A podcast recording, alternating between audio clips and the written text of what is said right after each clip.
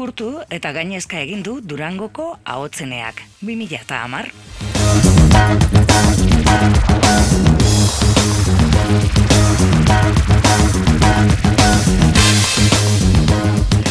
Kulturak kuotak dauzka, zinez estuak euskaraz, eta nekez egingo dute gainezka. 2000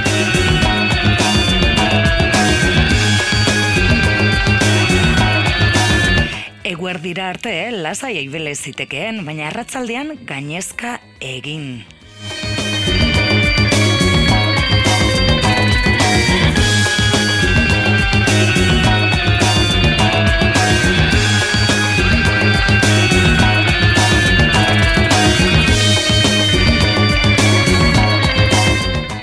Zarean irakurri ditugun ezaldieken abiatzen dugu gaurko Piperpolis.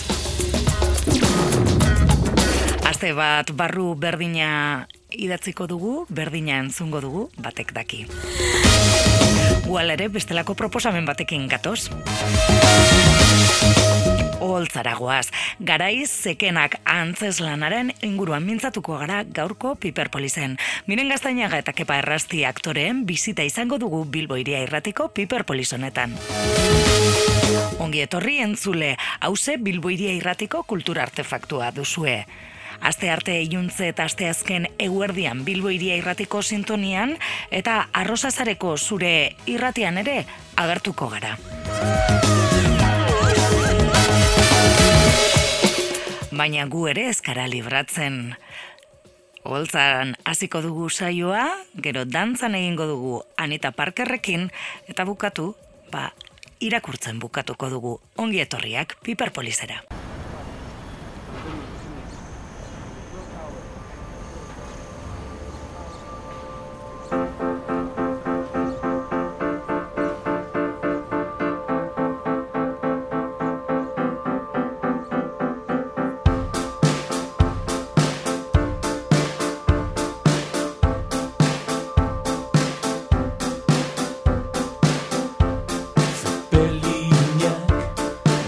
same.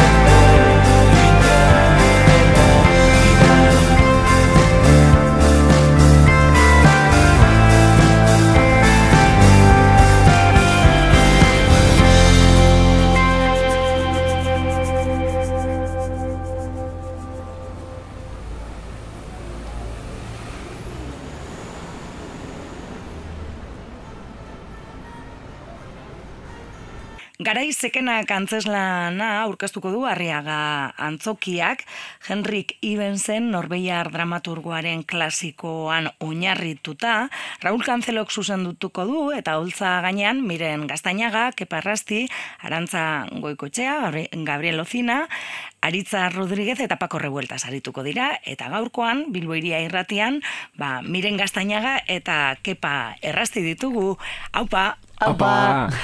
e, bueno, gutxi geratzen da estrenaldirako, nola doa lana? Urduri. Bai, pixka bai. ondo doa, ondo doa. Lan komplejo bada, segila da dela, bueno, bueno, bagabiltza, lan da lan duela bi hilabete, eta da lan bat egia da, esfortzu asko eskatu diguna, ze testo ondiko lana da, eta bar, eta bar, eta orduan, bueno, ba, ba, ensaio guztiak aprobetsatzeko goguakin. Hori da, mm baina bizkuntzatan, ba, beti be, bikoiztu iken da lana eta, eta zailtasuna be bai. Bueno, e, klasiko bat da, eta horrek dakarren guztiarekin, ez? E, eta e, kokatu dezagun, ez? Agian, e, ba, bueno, entzulearen agian ez da ezaguna, edo bai, ez? E, e, Henrik Ibens Norbegiarraren, eda Gabler antzeslan klasikoan oinarritutako bertsio bat edo guneraketa bat da, ez? Mhm. Bai, hori da, e, e, dramaturgak denisek e, pixka bat eguneratu edo gaurkotu nugan nahi izan hauen eta ekarri pixka bat Euskal Herriera, bueno, e, konkretuki Bilboko ambiente batera. Eta, eta da azkenean egokitzapen bat, bera saiatu da e, jatorrizko obrako pertsonaiak mantendu, beraien psikologia mantendu, eta hola, baina testua berri datzin du. Pixka bat e, ipsenen espiritua mantenduta, baina ba ona ekarrikia eta gaur eguneratuta. Mm. Bai, ez, e, e, obra klasikoan, Norbeiako familia ariskotrokatiko batean, oin, e, bueno, oina hor, ez, gauzatzen da historia, bai. baina, e, bueno, ba, zuen bertzioan, edo e, aurkastuko duzuen bertzioan, e, Euskal Herriko Unibertsitate giroan, ez? Bai, nik uste dut, e, erabaki hori hartu dela Denisek, nolabait alako giro burgez bat isladatzeko hemen, Bizkaia inguru, Bilbo inguru hontan, eta bai hartu ditula alako, bueno, akademikoak dira, Unibertsitatean lanan dabiltzanak, Unibertsitateko plazak lortu nahian dabiltzanak, horrelako boterea horri isladatu du. Eta bueno, burgesia esparru hori ere, ba, horri isladatu du denisek. Beraz, botere harremanen inguruko historia bata. Bai, bai, bai alako e, botere egarrien atzean dauden desio, frustrazio, zekenkeri, eta, bueno, alako ba, ezaguarri guzti hori eta hitz egiten dugu. Bai, eta pixkat nahazten igual botere emozionalak, bai, ez? Pixkat mm. lanetik, bai, profe, bai profesionalak, bai emozionalak, apur bat, mm -hmm. di gauzak. Bueno, e, izen buruak esaten du, ez? Gara izekenak. Mm. bai.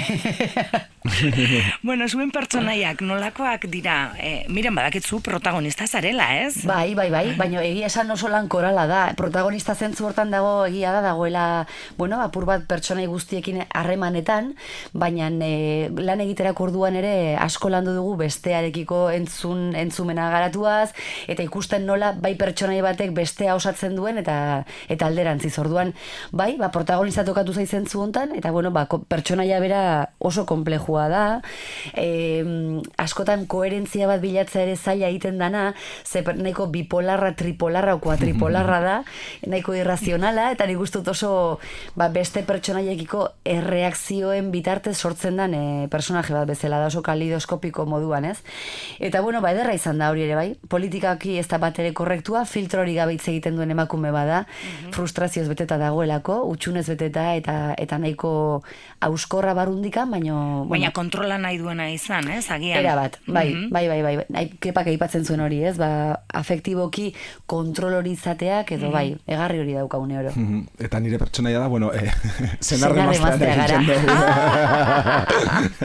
nire pertsonaia da Jorge, da, eh, jedarekin eskonduta dau, e, eta bere helburua bizitzan da, bueno, ba, e, profesionalki alik eta garapenik handixena ikia, eta orduan e, bere helburu nagusia hori da, orduan jedarekin eskonduta dau, e, beretzako harreman ideal bat da, bai kanpora begira, osak izartera begira, jendeak zer esango duen horri begira, eta orduan, ba, berak maite dau, bueno, el ustet elkar asko maite dauela, baina nahiko harreman, esan digun, ez dakit arralbo, ez dakit interesatua, eta, eta et, et, bi aldetatik bai apur bat. Naiz eta Jorgeren kasuan igual bera ez da nain nain konstiente hortaz, ez? Mm -hmm. Bueno, zenan emazteak, baina aipatu eh, hemen ditugu, ez? Jorge eta e, Jeda, e, baina beste personai batzuk eta beste aktore batzuk daude, e, kontaiguzu ere beste personaiak e, zeintzuk diren edo... Bai, hor, Gabriel Ozina dago, Arturoren papelean, e, alako, bueno, bere izango litzateke alde profesionaletikan botere gehien duen pertsonaia. E, gainera, bi hauek Arturoren etxera bizitzera doaz, e, jedak da, e, daukan harreman Arturorekin nahiko berezia da, bueno, aspalditik ezagutzen dira. Umetatik, eh? Bueno, umetatik, umetatik. bai. Un Arturo helduagoa da, baina umetatik daukate harremana, edo Mhm. familiaren laguna da azkenian Arturo, Bai, ez? alako zeo zer, eta bueno, Jorge Korere badu interes bat Arturorekiko, profesionalki. Ba, dekanoa dalako Arturo Unibertsitateko dekanoa da, orduan ba, beretzako influentzia bat dabe bai. Eta Bai. Gabiren papel hori da, gero Aritza. aritza da eh, Andres, Andres da beste ikertzaile bat eta eraberian Jorge bezala ba, e, unibertsitatean plaza lortzeko aukera handia daukana eta profesionalki baita ba, e, ba bueno, apur bat esan daigun bere mm, e, are, bueno, arerio aipa- aipatzen da momentu batean, baina bueno, bisak lan berdinean daz eta orduan ba, bueno, hor badauki e, Bai. profesionalki Oso izaera desberdina duka Bai. Andresek igual artista, bohemio eta Ja. beste alako Mhm. beste zaugarri badauka. Eta gero azkeni, bueno, arantxago ikotxe gongo litzateke, Zulemaren paperean, eta hau ere, bueno, berare akademia hortan badabil bere pasi, asko, aipatzen dugu baita lan hontan naiz nahiko azpitik handoan, baino badago presente, nola emakumen bizibilidadea baita ere mundu akademikoan, Ikoan, mhm. beste hainbat esparrutan gertatzen den bezala, eta nola askotan emakumeak daukan alako inda, e, indarra edo lan atzian eta gizonezkoak eramaten duen hitze, izena, ez? Eta hemen bai gertatzen da alako, alako zerbait baita ere. Ba, eta oinarri, osea, e, obra originalian, ba, hori igual evidentia esan, ba, bere garaixan, ba, igual hori askoz nabaria hau azalako, gaur, nabaria, gaur egun nabaria dan arren, ba, igual garai hartan nabariago azalako, ez? Baina mantentzen da pixka bat mirenek esan dauen moduan. Bai. Eta oina, hori ipatu duzula baita ere, egia da, o, obra hau gaurkot, gaurkotere, gaur, Jesus, gaurkotzerako orduan, e, bai aurkitu garela apur bat horrekin ere, bai nola igual garai batean, bueno, ba, ezagita purtzailea edo in- interesgarria den gai hori, ez? De repente, ba, nola igual emakumeak gizartean hartzen duen lekua, ba, igual gaur egun, igual, e, bai, gai, osea, gai hori hor dago, zalantzari gabe, baina obrak nola planteatzen duen igual zailago zala defenditzea, zadibez jeda bat etxean dago, eta ez da lan, lan egitera kanpora joaten, orduan, nola defenda- defendatu ezakezu personaje bat, e, badana potentea, izaera aldetikan, badauzkala bere grinak, baina etxean gelditzen da, ez? Ez, ez da handik ateratzen, orduan, aurkitu dugu modua, edo bueno, justifikatu dugu, zedena justifikatzen da, baina zaila zan, ez? Eguneratze horretan. Bai, bai, bai, bai. Koherentzia aurkitzea. hor- olako obrak hori dauki zaila apur bat, ez? Ba, garai baten igual e, gai batek ez, indarra handia euki hauel, a- euki alauen, eta gaur egun, ba, bueno, mm, igual ez da inbesterainokua, baina, bueno, topa balda bidea baita Bai. azaltzeko. Irakurri dugunagaitik e, personaje guztiak oso sakonak dira, ez? Beraz, e, horren euren arteko harremanetan eraikitzen da, ez, historia. Era bat. Bai. Nik uste dut batez ere interesgarria dana obran dala hori harrem- harremanen pertsonaien arteko harreman hori dela politia ikustia obra hontan, ez? Eta Bai. eta zela funtzionatzen da bien eta nola erreakzionatzen duten elkarren artian, elkarri itxeutzien gauzekin edo esaten dien gauzekin edo Eguneraketagen unibertsitatera ekarri duzu ez, dakit eh, Euskal Herriko Unibertsitateko norbaitek ikusiko duen eta zer, zer pentsatuko duen. ez dakigu ez da. ere. Ez dakit master, masterrekin egon den... Eh, eh, pss, Bai, mizka, mizka, hori. hori guztia jakinda ez dakit horregaitik eh, egunerakoetan agian eh, Bai. horregaitik hortik etorri zitzaion ideia ez dakit, Bate daki, dakit. bate daki. Bueno, bi hizkuntzatan eh, horrek dakarren ba, lan, eh, lanarekin eta eh, ez dakit eh, personaje bera eh, bi hizkuntzatan berdina den edo bueno, lan asko, ez, horren atzean. Bai, hizkuntzakin, bueno, beti gertatzen dana hemen, hemen ez dakit edo onerako edo txarrerako, ze bere aberasgarritasuna be badauko, ez? Ba, ba askotan inbiar izaten die obrak bi hizkuntzatan eta kasu konkretu hontan gertatzen dana eta askotan gertatzen dan gauza bada, ez? Ba, azkenian hizkuntzak oso desberdinak di elkarren artien eta batez beholako testu bat em, nahiko jasua danian e, lenguaje aldetik edo ba, euskeraz beti be pixka bat e, mm, zaildu da esan, euskera ez da igual erdera dan bezain zuzena eta orduan ba hor bilatu behar izaten jako baita eta hor lanien ibili gare. Baina bueno, politia izan da be bai eta Bai, bai, eh, hartu dut zauela be bai, ja. Eta gero egia da, norberan izaeraren arabera ere euskeraz edo erderaz erosoago zaudela, ez? Edo aurkitze jozula beste kualidade bat, eta hori Bai, da, bai, ez? bai, bai, bai, bai. Bai. Antzes lanak ere beste berritasun bat dakar, ez? E, ez, da, ez arete e, arriagako holtzan arituko, Ez. bai arriaga antzokian, Bai. ordea. Bai. Jori, plazer bat izaten ari da, ze gabiltza, gu, bueno, gure txia da, gu hor bizigea. Orduan, egunero ensaiatzea jutekea moketa hortan, dalako ento, er, entorno barroko rokoko hortan ez, da gila da, jo, horrek Oso jartze, politia da. bai, politia da, jartze zaitu leku hortan da. Arriaga izango litzake gabiren pertsonaiak eh, alokairuan utzi duzkun etxia. Hori da. Azkenian. Eta, Mm, Bai. Ez edo nolako etxea, eh? Ez, inondik inorare. Eta orduan horri ikusleak ere aukero hori izango du, nolabait antzezela bat beste perspektiba batetik begiratzekoa, eta boaier baten moduan jarraitzekoa, ba, kepak aipatzen zituen harreman hoiek, ez, nolabait, sarreran hasi, eta gero foaierrerantza jungo gara igotzen, bertako txokoren batean sartuko gara, eta, bueno, ikuslegoa maskara batekin egongo daune oro. Bai, hori e, irakurri dut. E, Bai. e, Ikuslegoa berez, boaierra guztiz. Era bat. Eta zuentzako ere zizaia, ze ikuslegoa ikusiko duzue, baina maskararekin dago. Bai. igual gurau dut maskariak Nik ikustea, bai. oso gertu egongo dira, eh? Ezagunen bat etorri eskero beto bai. maskaratxo batekin egotia, eta albada ez jakitean nordan, bueno, igarriko da, eh? baina bueno. Ge oso kuriosi izango, ze hau hendikan ez dugu ikusi, baina bapatian antzerki egiten zaudela, nabait igual berrogeita mar pertsona maskara txuri batekin hoi inkietantia minimo Bai, izangoa, bai, eh? Bai, bai. baietz. Joe, Maskara bai. gainera olako sudur luze moduko badauki, eta ba, pixkat inki- Veneziano antzekoa edo. Bai, Bai, bai. txoriola, txorimokua Bai, bezala. Eta erosuak die gainera guk probatu ditugu, eta oso Bai. erosuak die ikusteko besta inongo begizulo handisak dauki, eta Bai, oso, hor oso, jendia ez dailela larritu, ze erosuak oso dira. erosuak die ikusteko. Bai. Bueno, beraz, ikuslegoaren ere esperientzia bat. Ez da, hor, e, besaulkean jezarri, Ez. ilunpetan, da, ez? Ez. Eta nik uste lan honei horrek ere lagunduko jola. Bai, emute dutzo ba, berezitasun bat, eta, eta bai, bai, pekuliariade bat emuten dutzo azkenian, Bai. eta bai. Bai. Horrek esan nahi du, e, ikusle mugatua izango duela e, emanaldi bakoitzak, ez? Bai. Mm, Noski, e, Irurogei bat ola izango ie, eman aldiko. Bai, eta horregatik ditugu baita emanaldi bat baino gehiago ez dakit ama emeretzi edo emesortzi, ez emeretzi. dakit esan badien, bai. Mhm. Bai, ez, e, bueno, ezberdina dalako Bai. oholtzan aritzea. Oholtzatik ez, ez arete pasatuko berez. Ez. ez? Arriagako beste txoko batzu. Batez Gure etxea beste leku batean da batez Bai. ere gehien gehien txuena. Osea, Bai. e, mugik, mugitzen da publikoa, baina egia da zati handi baten e, akzioa gertatzen dela leku finko baten. Gero Bai. tarteka mugitzen da, baina ez da denbora guztian mugitzen ari direla.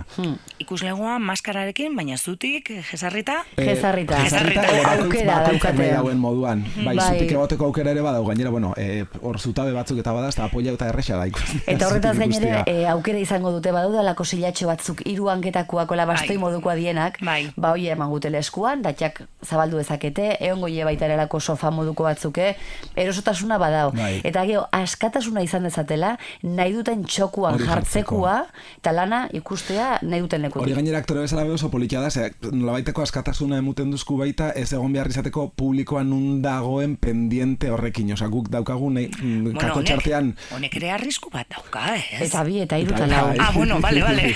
bai, baina, aktore bezala badaukagula mugitzeko askatasun bat, eta hori oso politia da, oso politia da. Dinot, e, probatu Oso duzue... ondo, esate zu. Bai. probatu duzue, jada publikoakaz, edo egingo zenuten... E, Oso gutxi etorri die, etorri die iruzpadeu persona, Bai. ez da errea, oso Ez da oso erreala. erreala. Gogoa dauko ikusteko Bai. jendeakin, a ber, a ber, Bai. zer gertatzen dan. Egia hau klasiko bada hau esatia, baina egia da lan honeke aktuazioak aurra junala ere hartuko dula Bai. berezea. Eta Bai. gutzako ere bai, oso importante izango dela. Eta suposatzen dut, e, emanaldien aurrera ikusiko duzu. Azkenean, ikuslegoa beti ere oso antzeko konportatzen delako, Bai. ez? Bai, Bai. bai, alakoa gea da. Bai, bai, bai. Ez, eta satiren batean, agian deseroso eta iskutatu edo... Bai, bai. A ber, ikusiko, ikusiko, Bai. gogoekin gaz hortarako, a ber. Zema denbora prestatzen aritu zarete? Ba, bi hilabe- urriak batean hasi ginen, Bai. ba, bi hilabetera, ontxe, bi hilabete Testuak ikasten igual hilabete lehenua, baina Bai. hiru hilabete. Bai. Gehitu diezaiogun gure Hori da, lanari bai, ikasketa eske momentu hori. da hori, bai, astunena gainera. Bai, bai, bai. Hori ere esan behar da. Bai. ez Esan beharra dago, bai. Ematen du eh, aktoreak errez errez ikasten ditugula, Ez ez? da pentsaude. Libretoak. Eta ensaioak Piko hasten pala. da, bai. Hau askotan esaten da zerbait gure da. Piko pala izan Piko da. pala, Mirena bai, bai, batez ere. bai, bai, bai. Miren, eh, testu handia eta... Asko. Asko. Pila. Eta lehen aipatzen zenun bezala, ba, bi hizkuntzetan e, ba, areatu- areagotu egiten da lana. Oso eskertuta gaude, baina lana da, klaro. Bai, bai, eta hortxe gabiltza. Hizkuntza jasua da, bai, eta orduan, bueno, badie, e, mm, e, jen, e, interbentzio potoluak die. Osa, ez da, hola, Bai. pim, pam, pum, ba, badaude momentu batzuk, baina askotan, bueno, badaudela, hola, Bai, bai, bai, bai. testu mardulak, hola...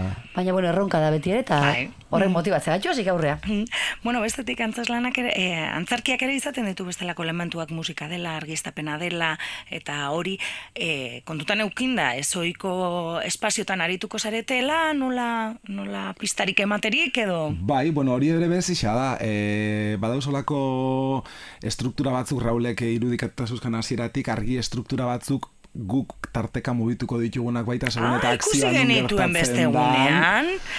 Bai. Oie dira ba? Oiek. Hola, Ah, burnizko estruktura batzuk. gero ikustera joan ginen eta antzen Claro. den Bai, fuerierrean. claro. Eta esan genuen, hau zer izango da. Bai. Ba, hoxe, zaraizekenak. Bai, pekuliaridade bat emuten dutzo baita obrari, ez dakit beresitasun bat emuten dutzo, la... E, beraz, aktore lanetaz gain ere, bueno, ba, bestelako lan batzuk egingo dituzue. Ba, bueno, mirenek igual ez Nik hainbeste, ez, eh, baina... hortxe emaraz demora guztia, baina beraiek igual tarteka bai. Bai, mm. ez dakit tokatutuko jat- jaten hasi eh, azkenean, baina bai, tarteka mugitu beharko Mm. ditugu gauza batzuk eta manipulatu eta hola. Baina ederra da azkenean oso giro intimua emateu, oso oso giro intimua, ez da ez da argi gehiagire. Ez, ez. Eta foko horiek asko limitatzeuten espazioa, orduan, bueno, ba, horre ikuslegua erosoengoa, gure bai, eta... Bai, nahiko zinematografikoa da hori. Raulek eh, hasieratik komentatzen zuen zerbait zala, nahiko Bai. zinematografikoa da zentzu guztitan, ez? Hori gauza intimo bada, eta guk ere ba, lan egiterak orduan ba, pixka bat hor- horri hautsi dutzu. Bai, eta fokuak eola biztan eotiak emate joalako Bai, ez? plato zea Bai. bat izaera bat, ez? Bai. Mhm.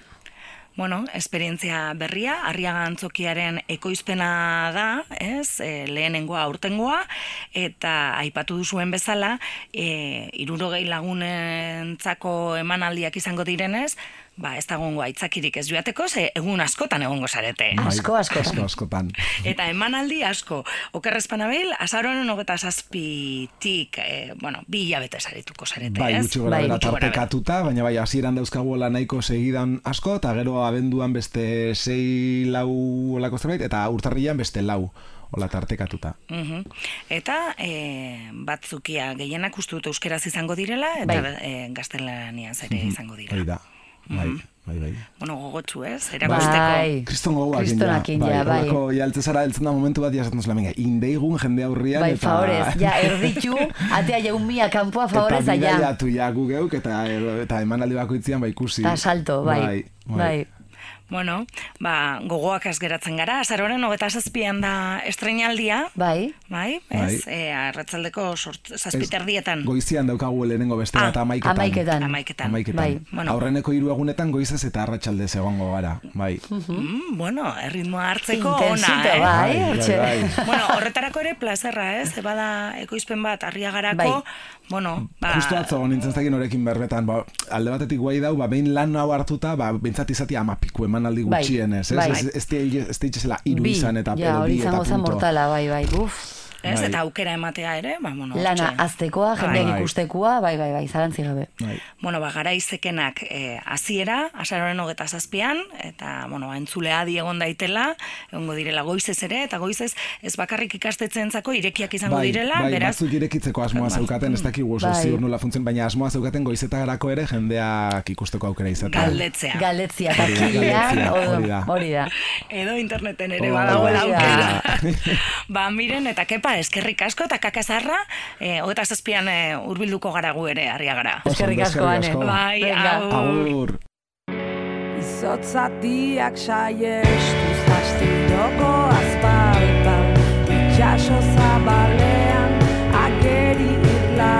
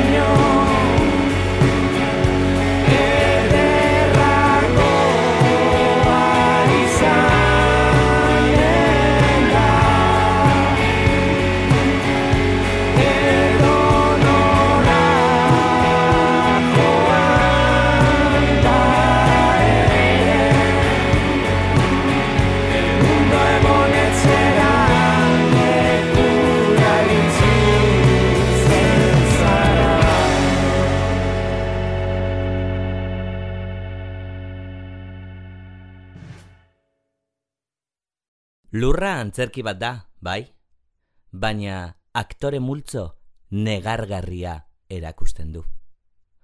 Oscar Wilde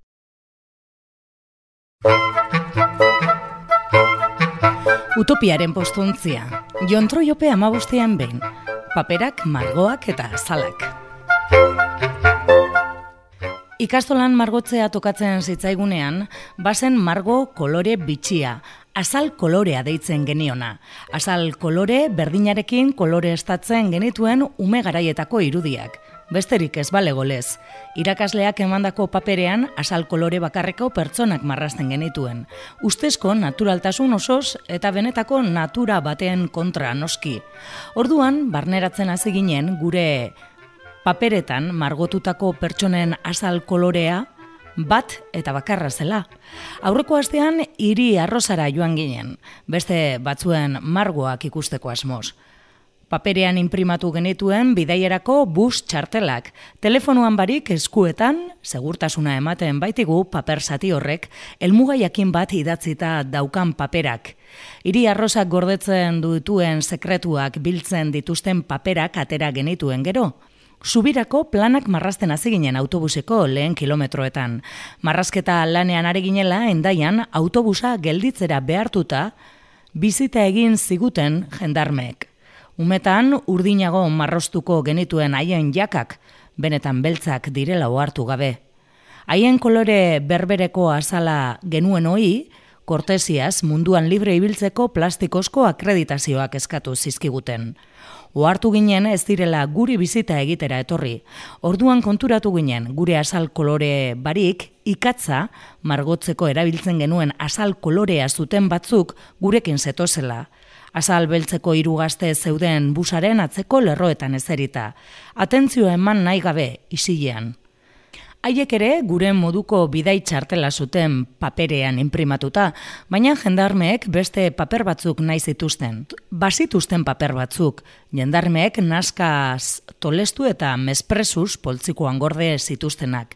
Kaleko txakur edokatu zikinak bailiran indarrez lepotik helduta atera zituzten gazteak autobusetik oso gazteak. Eta han etzi genituen atzean euripean jendarmeek inguratuta, angulak saltzen dituen eskaparatean. Sekulako impotentziaz geratu ginen gure jarleku beroetan ezerita, baina egia zan, jendarmeen aurrean mutu geratu ginen. Txintik ez, ume zintxuak bezala isilik, ea zigorra jasoko dugun bestela, ez genituen gazteak lagundu, ez genien elkartasun keinurik egin. Gure isiltasunarekin gazte haiei sinistaraziko genien ipuñonetako maltzurrak haiek direla pentsatzen dugula. Eta autobizean abuatu ginen, kakaura gure margo ikusizunarekin margotzeko gogoz. Picasso baginalez, Gernika berria pintatu edo bestelako irudi abstraktu koloretzu basatia paperean usteko. Azalkeria osoz irentzin dugu guk ere ipuina, mehatxu malapartatuekin erozi zuten gure isiltasuna. Aur ginenean, kontatzen zizkigutenak, bezain erraz jaten ditugu gaurko gizarte eredugarriaren kontu gozoak. Umetako margoak bezala, badirudi, naturaren kontra doan naturaltasun berberarekin onartu dugula, pertsonen kontratoko tratu txarra eta elkartasunik eza. Inguruan asumituta dago, kanpotik etorri denak, kanpoan egon behar duela ezin da marratik kanpo margotu favorez. Etxea bertako entzata laguntxoak. Urtebetetxe festara benetako lagunak direnak baino ez ditugu gonbidatu, eta batez ere, plastidekor eta manlei margo hauek nireak digirela jakin ezazue, de dio. Etxean ez didate beste norbait lagatzen usten, marguak nireak dira, nik aukeratzen ditut koloreak, nori utzi eta nori ez utzi. Ah, eta nireak dira bertan margotzeko paperak ere, esklusiboak.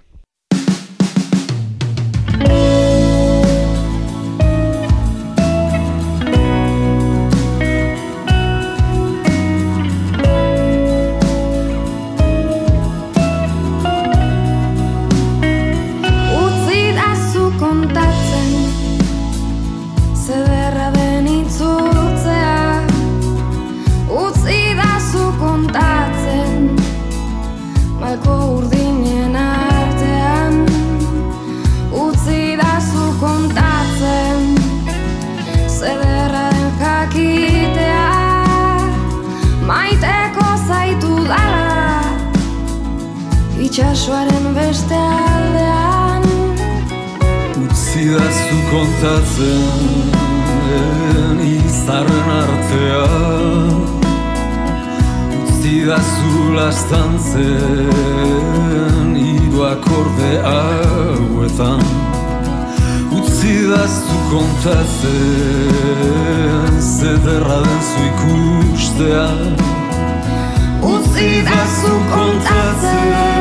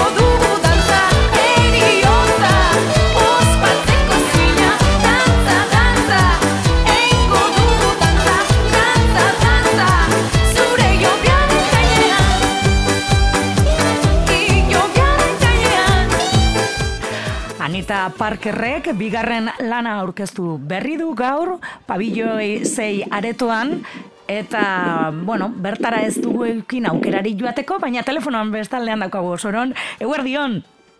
Apa, eguerdio, bai. Bueno, ja, aurkezpena egin da, bigarren lana, eh? konturatu orduko, eh, bueno, ba, beste lan bat eskutartean. Konta iguzu eh, zer dakarren berri? Bueno, ba, berri, abesti berriak, noski, baina, bueno, ba, berrikuntza bezala, igual izan dike, disko hontan, gehiago sartu duela, eta igual, izaten genuen, e, zantzan urteko diskuakin apur bat swingerra ginela, Mhm. zaldiak baino, eta, ba, beste estilo edo elektronika ikutuekin jotzen, eta, ba, nitzagoa da diska berri hau, esateko. Eta Bai. dantzarako gonbitea egiten diguzue?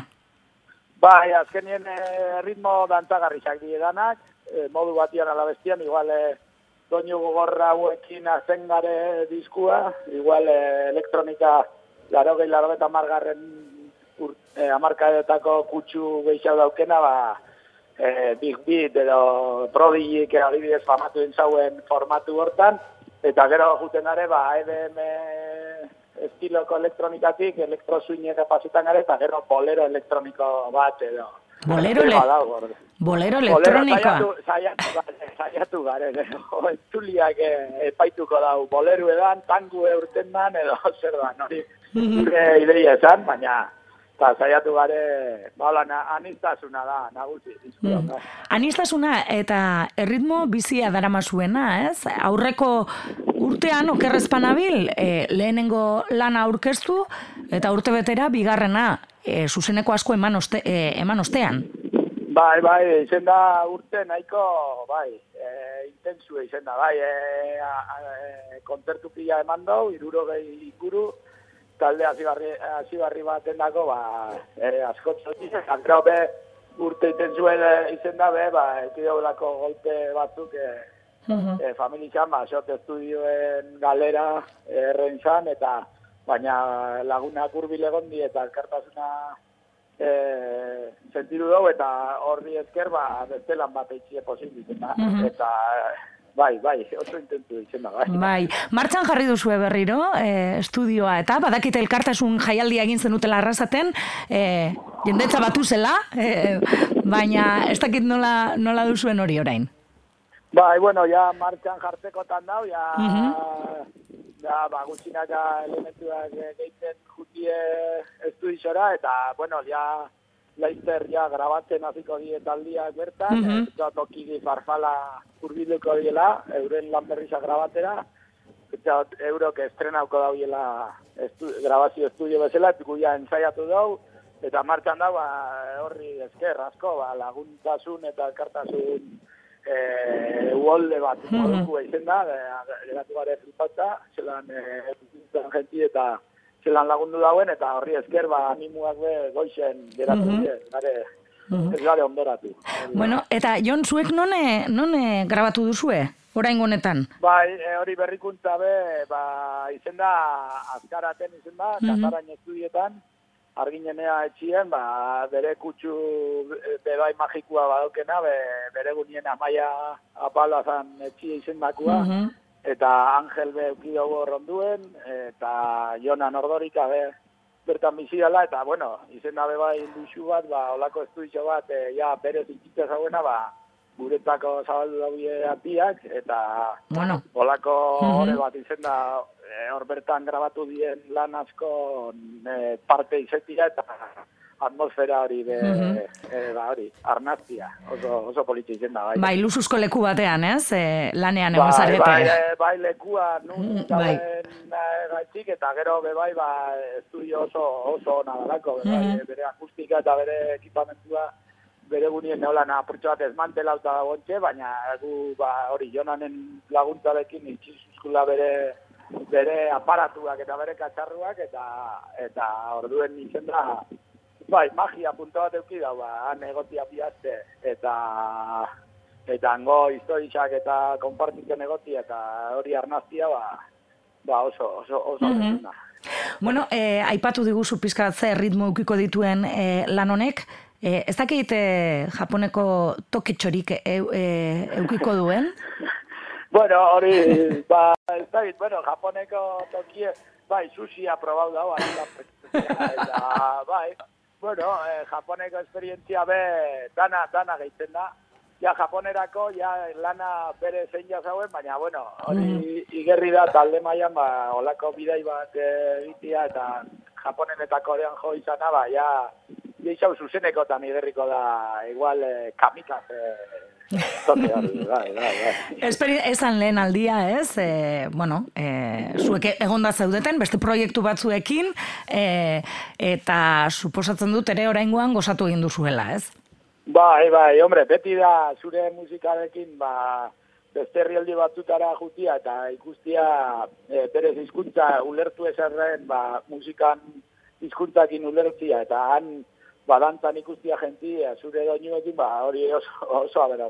Eta gainera gero esautzia, ba, ba, beste mun- munduko beste talde batzukan, Korean egin genuen e, festivalean, ba, Mexikarrekin egon giten, gero Mongoliako jendeak, eta azkenen ikusten dozu, ba, urrunga zela kilometrotan, baina gero musikak e, apurtxo bat txikitu egiten da mundua, eta ikusten dozu, ba, azkenien ez garela hain ezberdinak. Bueno, zuzeneko dagokionez, ez, ez arie gelditu, e, bueno, nek esango neuke, e, diskoa ere grabatzen ari ze- e, egon zaretenean jarraitu duzuela, baina suposatzen dut orain, e, bueno, kantu berri hauek, ahotsenean e, Durangoko azokan aurkeztuko dituzuela, ez? Bai, bai, azkenien eh, paralelismoa da hori, de, aurrekuekin be, bertan estrenatu genitxun abestiak eta inguen be, e, hautsenean estrenatuko ditugu, eta gero Zaragozara jungo gare amalaguian, gero be, e, bomberenean be egongo gare abenduaren nogeta sortzian, eskorian be e, izango gara hor inkernu tabernan abenduaren nogeta bostian, eta bai, ez gare gelditzu eta ez gare gelditzuko, hor, hor da, kontua. Bai, bai. E, bueno, baukiko dugu tartea, lasaiago diskoaz gozatzeko, e, Jon, e, ba, erio dantz e, kantu honekin, e, agur esango dizuegu, e, badakit gaur ere, e, aurkezpen berezia egin duzuela, nola ez, e, pabello izei aretoan, ez? Bai, bai, eta oso gustora bi abesti jo ditugu, zuzenean, erio dantz bat izen da, ba, single bezala ez lako, eta gero eh, Petit Mort, eh, la Petit Mort beste abestisa, ba, bueno, aldarrikaten apurtxo bat, orgasmo femeninua, ze beti gaz, gizonen plazerran eh, eh, menpe bizi gare, ez? gizonen dako plazerra, eta, bueno, Mhm. nesken plazerra bea aldar, aldarrikatu beharreko zerbait dela uste dugu, eta, bueno, hori izen da, bigarren abestia. Bueno, ba, Durangon ikusiko dugu elkar. Eskerrik asko, Soron. Bale, ba, eskerrik asko hone. Bai, agur. Agur, agur.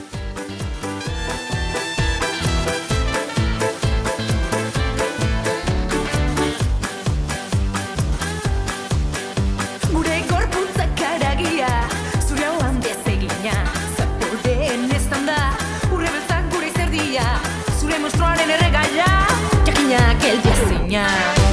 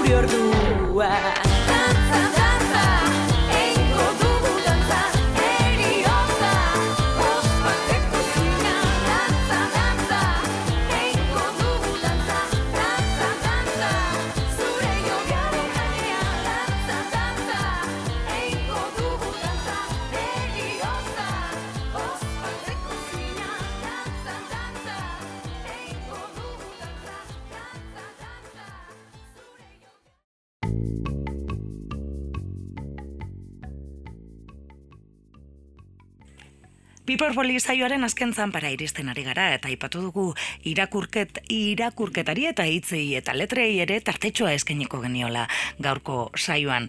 Belk Hoxen feminismoa denun kontua da lan euskerara ekarri du katakrak argitaletzeak.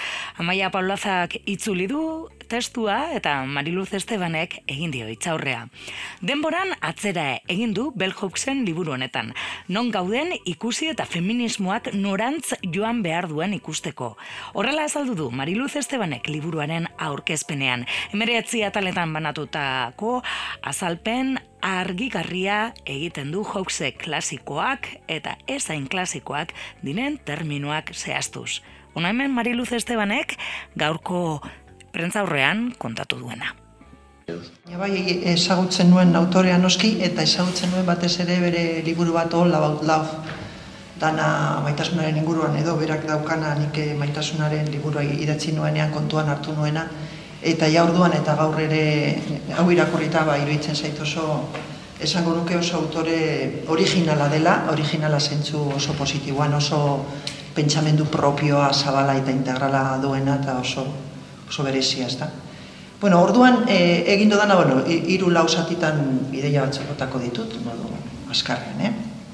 Orokorrean, ba, e, nik uste dut, e, lehen, e, kafe bat hartzen egon gara eta edoik esaten zuen, mapa on bat egiten duela e, Belhuksek, eta nik uste dut hortik hasi gaitezkela, ez da egiten du pizkat feminismoaren mapa bat, ideia batekin feminismoa eraberritu behar dela, dei horrekin hasten da, liburu osoan eta maieran ere bai, feminismoa denon kontua delako, eta orduan egiten duen nik uste dut deia da, bueno, begiratu atzera, non digatoz, non gauden, eta zer egin nahi dugun aurrera, ez da, eta hori oso ideia importantea da. Claro, berak hartzen du aztergai bere Ipar Amerikako mugimendua, bera hangoa delako, eta esaten nion, e, zera edo hiri horretan nire ni antropologa naizela oso ariketa antropologikoa egiten du, egiten du bere inguruan ikusten duenetik, ba, bueno, galdera batzuk egin edo, ez du orokortzen, Eta claro, zentzu horretan esaten duzu, ba, noraino dan aplikagarria berak esaten duena hemen, baina nik uste dut badela oso aplikagarria, naiz eta gauza batzuk, ez da pizka diferenteak izan, baina hor sortzen diren galderak edo, nik uste dut ba, ba, hemen eztabaidatzeko oso interesgarriak izan daitezke, eta bueno, nik hortik irakurri dut liburua eta hortik idatzi dut hitzaurrea, ez da? Berak bereizten du e, Ipar, Ipar Amerikan badagoela mugimenduak kontserbadorea dena, eta beste bat e, ba, radikala edo, eta berak kokatzen da bigarrean, esaten du maila batean, e, estatu batuetan edo Amerikako estatu batuetan e, feminismoak galdu duela pultso radikala, eta horren alde egiten du, eta bueno, nik uste dut horiek oso interesgarriak dira. Eta gero egiten du, egizen, ba, mapa bat esaten dugu, ze egiten du ikuspegi orokor orokorra. Orduan, e, gai guztiak abitzen zaizkio, ez guzti guztiak, baina egia esan egiten du oso repaso ona, gai batzuk igual dira ohikoagoak edo pilpilean dauden gaiak, eta beste batzuk zain beste, baina bueno, hoiek ere ekartzea iruditzen zait oso interesgarria. Orduan, e, ohikoagoak edo pilpilian dauden gaien artean, ba, ba, bueno, batzuk aipatzearren, arrasaren gaia oso importantea da, ba, hemen ere daukagun edo heldu zaigun eztabaida hori, ezta? E, egia esan Euskal Herrian ja feminista abertzaleek aspaldi hitz egiten zuten zapalkuntza hirukoitzaz, ez da genero nazioa eta klasea, eta gaur egun feminismo dekolonialaren arlo horretan kokatzen diren ere eskuitza egiten dute, feminismo, feminista razializatuek jasatzen, jasaten dituzten arazoak eta hori dana, estatu mailan esango nuke eztabaida bau oso gogorra dela, ona hemen ez da inbeste, baina helduko da nire ustez, eta horretan nik uste dut ekarpena egiten duela. Ze berak oso ondo lotzen du, eta hau ez da erresa, generoa, rasa eta klasea. Ezta, osea, arrasari buruz, claro, berak hor kokatzen da, eta egin ditu, bueno, analiziak eta eta eta pentsamendu egiten du, baina bebai esaten du ez dezagun ahaztu klasea, ezta? Eta adibidez esaten du, claro, Ipar Amerikan gertatu dana, eta hemen ere gertatzen ari dan, edo gertatu daitekena da, e, esaten du, e, klase privilegioak zituzten emakume zuri erreformistek, beren klase bereko gizonen eskubideak eta boterea lortzeari eman ziotela lehentasuna, ezta? Osea, bere klase zirkuluan kokatu ziren, eta claro, horren e, ondorioz ahaztuten dituzu zu baino pobreagoak diren emakumeak, oso horreza da, ezta? Orduan, etengabe dago ustartzen edo ustartu nahian genero arrasa eta klasea, eta nik uste hori oso interesatea dela. Hombre, agian hemen egin beharko duguna, hau ja ez dago liburuan jakina, beste faktore batzuekin ustartu beharko dugu gai hori, ba, hemen hizkuntza minorizatuen gaiarekin, edo independentzia nahi duten herrien hausiarekin, beste gai batzuk, baina bueno, edo kasutan nire ustez oso planteamendu interesgarria.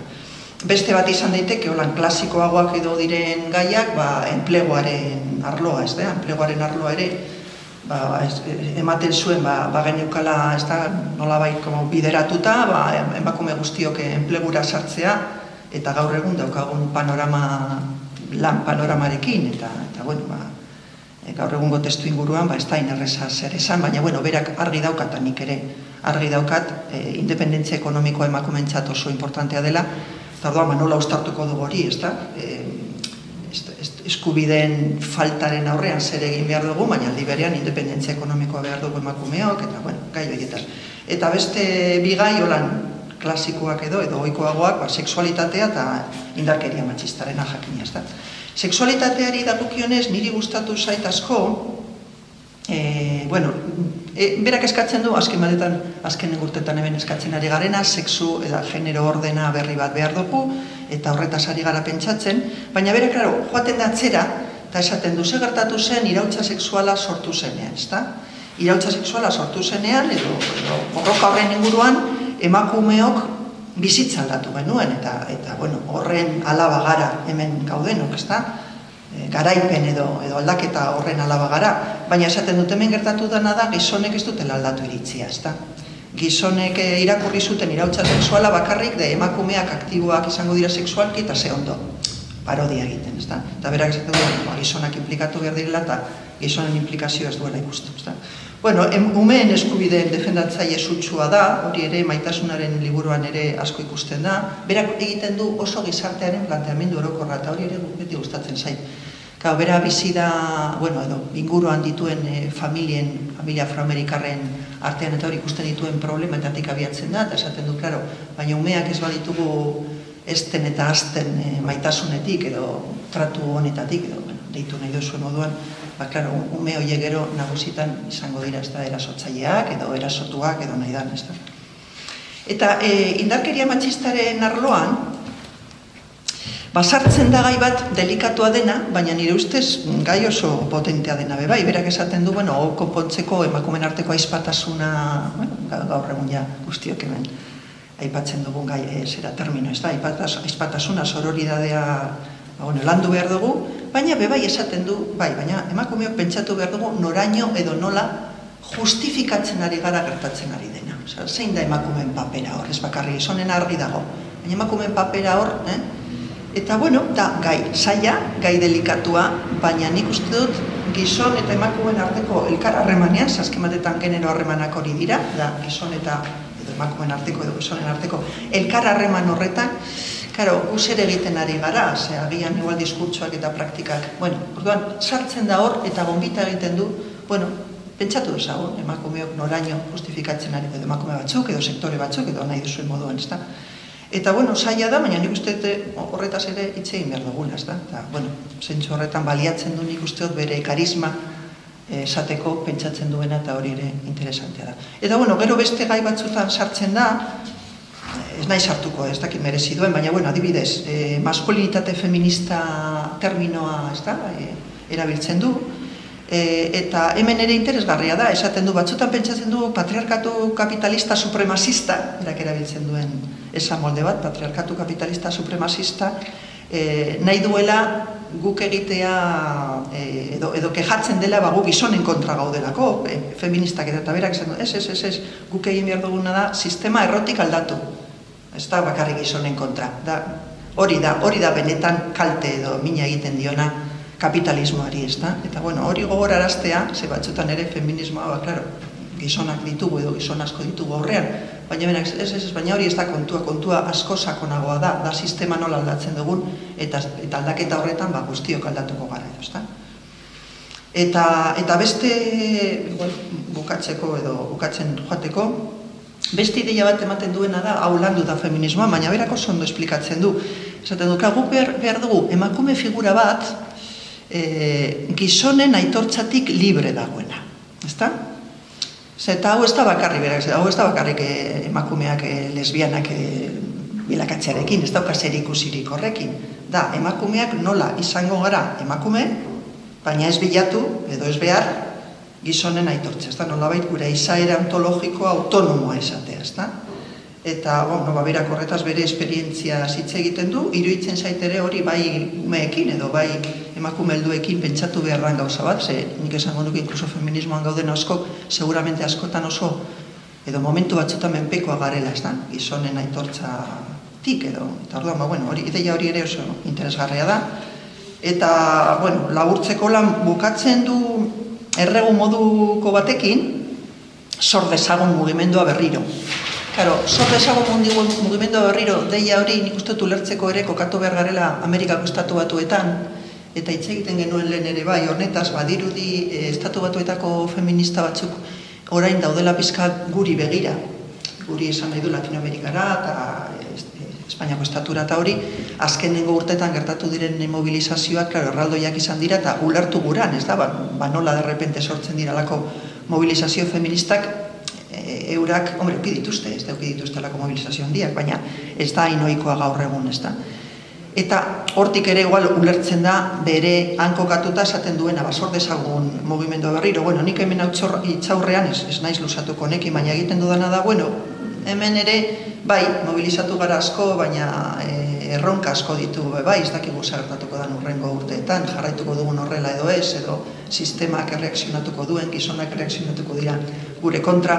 Orduan nik uste dut dei hori ere berak nola esplikatzen duen ba, berriro sor dezagun mugimendua interesgarria, ez da? Nik uste euforia eta diagnostiko positibo egiak alde batera utzita, ba, badabe bai liburu bat horretaz pentsatzeko, bueno, euki ditu gora berazko feminismoak ez dezagun pentsa dana eginda dugula, ez da?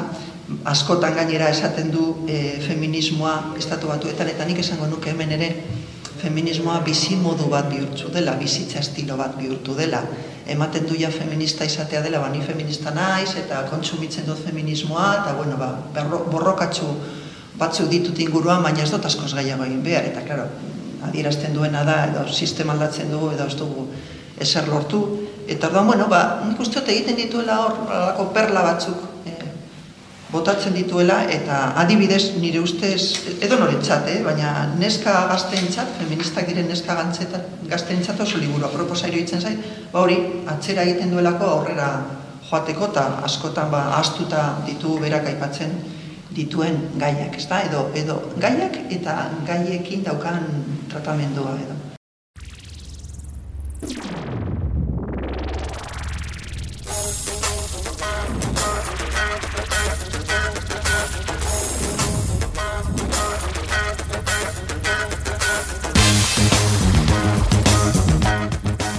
Saioa bukatzeko, ba hortze gomendua, irakurketa gomendioa.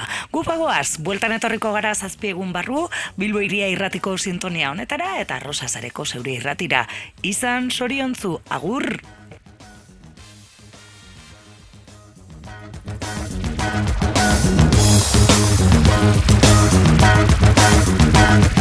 Thank